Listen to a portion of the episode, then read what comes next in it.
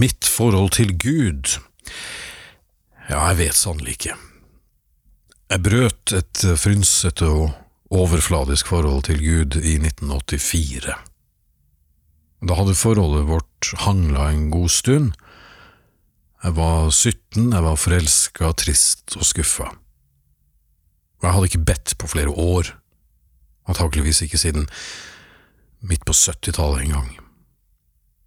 Og siden den gang har jeg ikke søkt forsoning. Altså, 1984, det var det året Oh, the irony, det var det året da George Orwell hadde spådd som helvete på jord. Storebror kunne se alt, skrev Orwell, og straffen, altså helvete, skulle komme. Men Orwell han slo inn åpne dører, for i 1984 så hadde Gud allerede sett det meste for min del, og helvete hadde døgn åpent. Man kunne, kunne komme dit når som helst. Altså, hallo, ikke engang kiosken nede på hjørnet, der man fikk kjøpt cocktail, hadde døgnåpent den gangen. Og ikke til kiosken, men til helvete heller. Dit kunne man komme for et godt ord. Og Gud hadde sett alle mine fortvilte forelskelser, og jeg følte at han bare lo av dem. Gud hørte ingen bønner.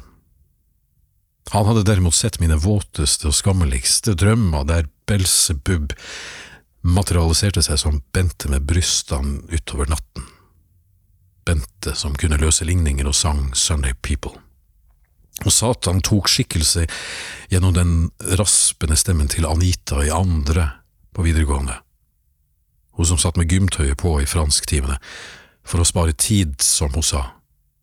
Hun fortalte ikke hva hun sparte til, mens hun rødma under bøyningen av venir, og som deretter, altså både verbet og henne, hjemsøkte meg i drømme tidlig om morgenen, men da var hun uten gymtøy, da var hun avkledt og pustende og raspende og rar og hvesende og hviskende, og hun lukta som tørka ryllik og alt det der som jeg ikke kunne beskrive den gangen, de luktene jeg ikke kjente, men Gud så det, Gud lukta synden lang vei, og han hørte hvert et klynk. Han visste godt hva den der andre lukten var. Gud så hva jeg var i stand til å drømme om, akkurat som Orwells storebror. Det var i 1984, og Gud kunne se alt den gangen.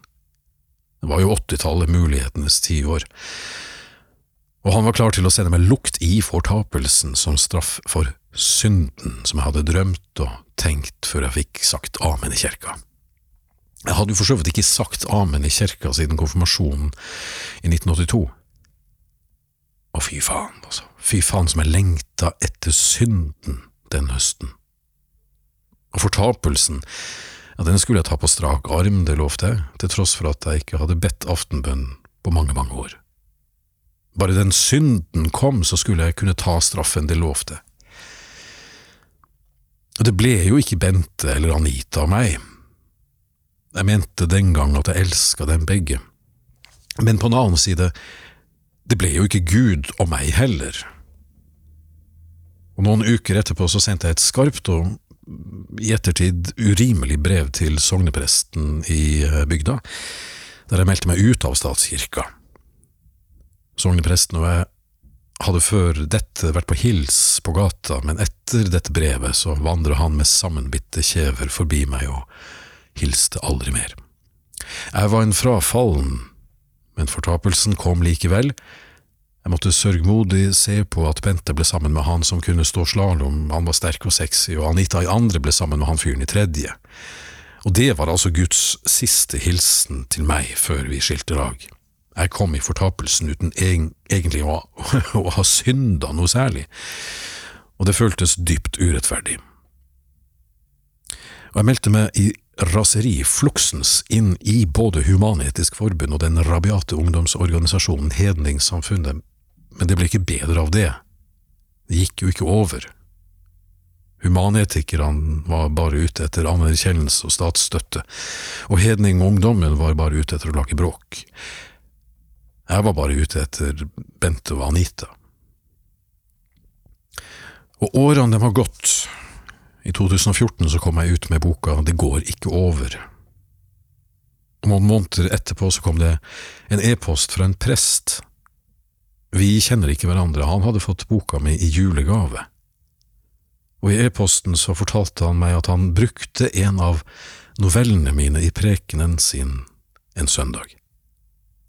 Og til menigheten så fortalte han om advokaten Johannes, fra den første novella i boka mi, Johannes som vandrer hvileløst rundt og ønsker å bli bebreida. Johannes han fremstiller seg selv som et uhyre, og jeg har, jeg har med vilje laga ham sånn.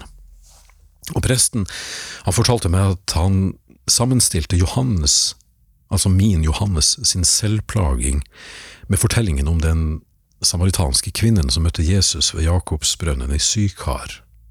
Ja, til alt overmål, altså Jakobsbrønnen, og til alt overmål fra Johannes evangeliets kapittel 4, versene 4 til 26.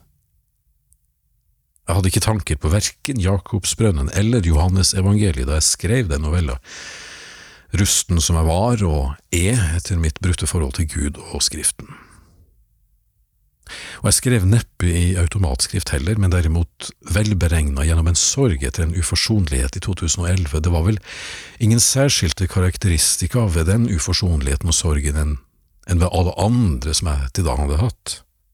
Jeg hadde kjent det verre før, men ikke desto mindre, det var der sorgen i Johannes i boka ble til, dag etter dag, natterstid som morgen, mens jeg sprang fram og tilbake i skam og sykla meg trøtt og føyelig. Og om dette med skammen, altså den presten, han fortalte menigheten sin at min Johannes sitt møte med sin egen skam og sin tilkortkommenhet ligner den samaritanske kvinnens møte med Jesus. Men slik som jeg tolker det, at det gikk henne bedre. For Kristus overser at hun har hatt fem menn. Og presten han skrev det så oppriktig dette er ikke enkelt å forstå seg på, skrev han. At det tross alt fins en tilgivelse, ikke sant?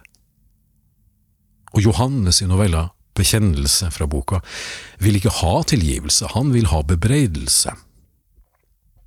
Og jeg holder fast ved det, at bebreidelse noen ganger er det riktige. Jeg mener at Jesus tok feil. Men det er jo en fantastisk tanke, ikke sant, at Gud, der han er, eller hun, eller hvem det måtte være, om vedkommende tross alt finnes, angrer på at han gikk glipp av meg, at han kasta meg til humanetikerne og hedningene, og at jeg, en frafallen, til sist ble nevnt fra en prekestol. Oh, the irony! Jeg har uansett fortalt denne presten at jeg ble glad, oppriktig glad og takknemlig. Jeg ble virkelig så glad for at min Johannes kom dit, og at han kanskje får fred omsider. Og jeg en frafallen som ble tatt inn i kirkeskipet etter alle disse årene. Men mitt forhold til Gud, nei, jeg vet sannelig ikke. Jeg var så ung, jeg var 17, jeg var forelska, jeg var trist og skuffa, og det satte spor. Det går ikke over. Ikke nå, kanskje en dag, en annen dag, en annen uke, et annet år men jeg ble takknemlig for det brevet fra den presten.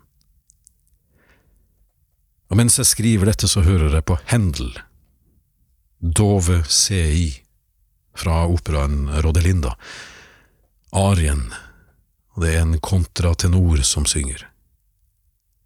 Og Dove CI er italiensk, og det betyr Hvor er du?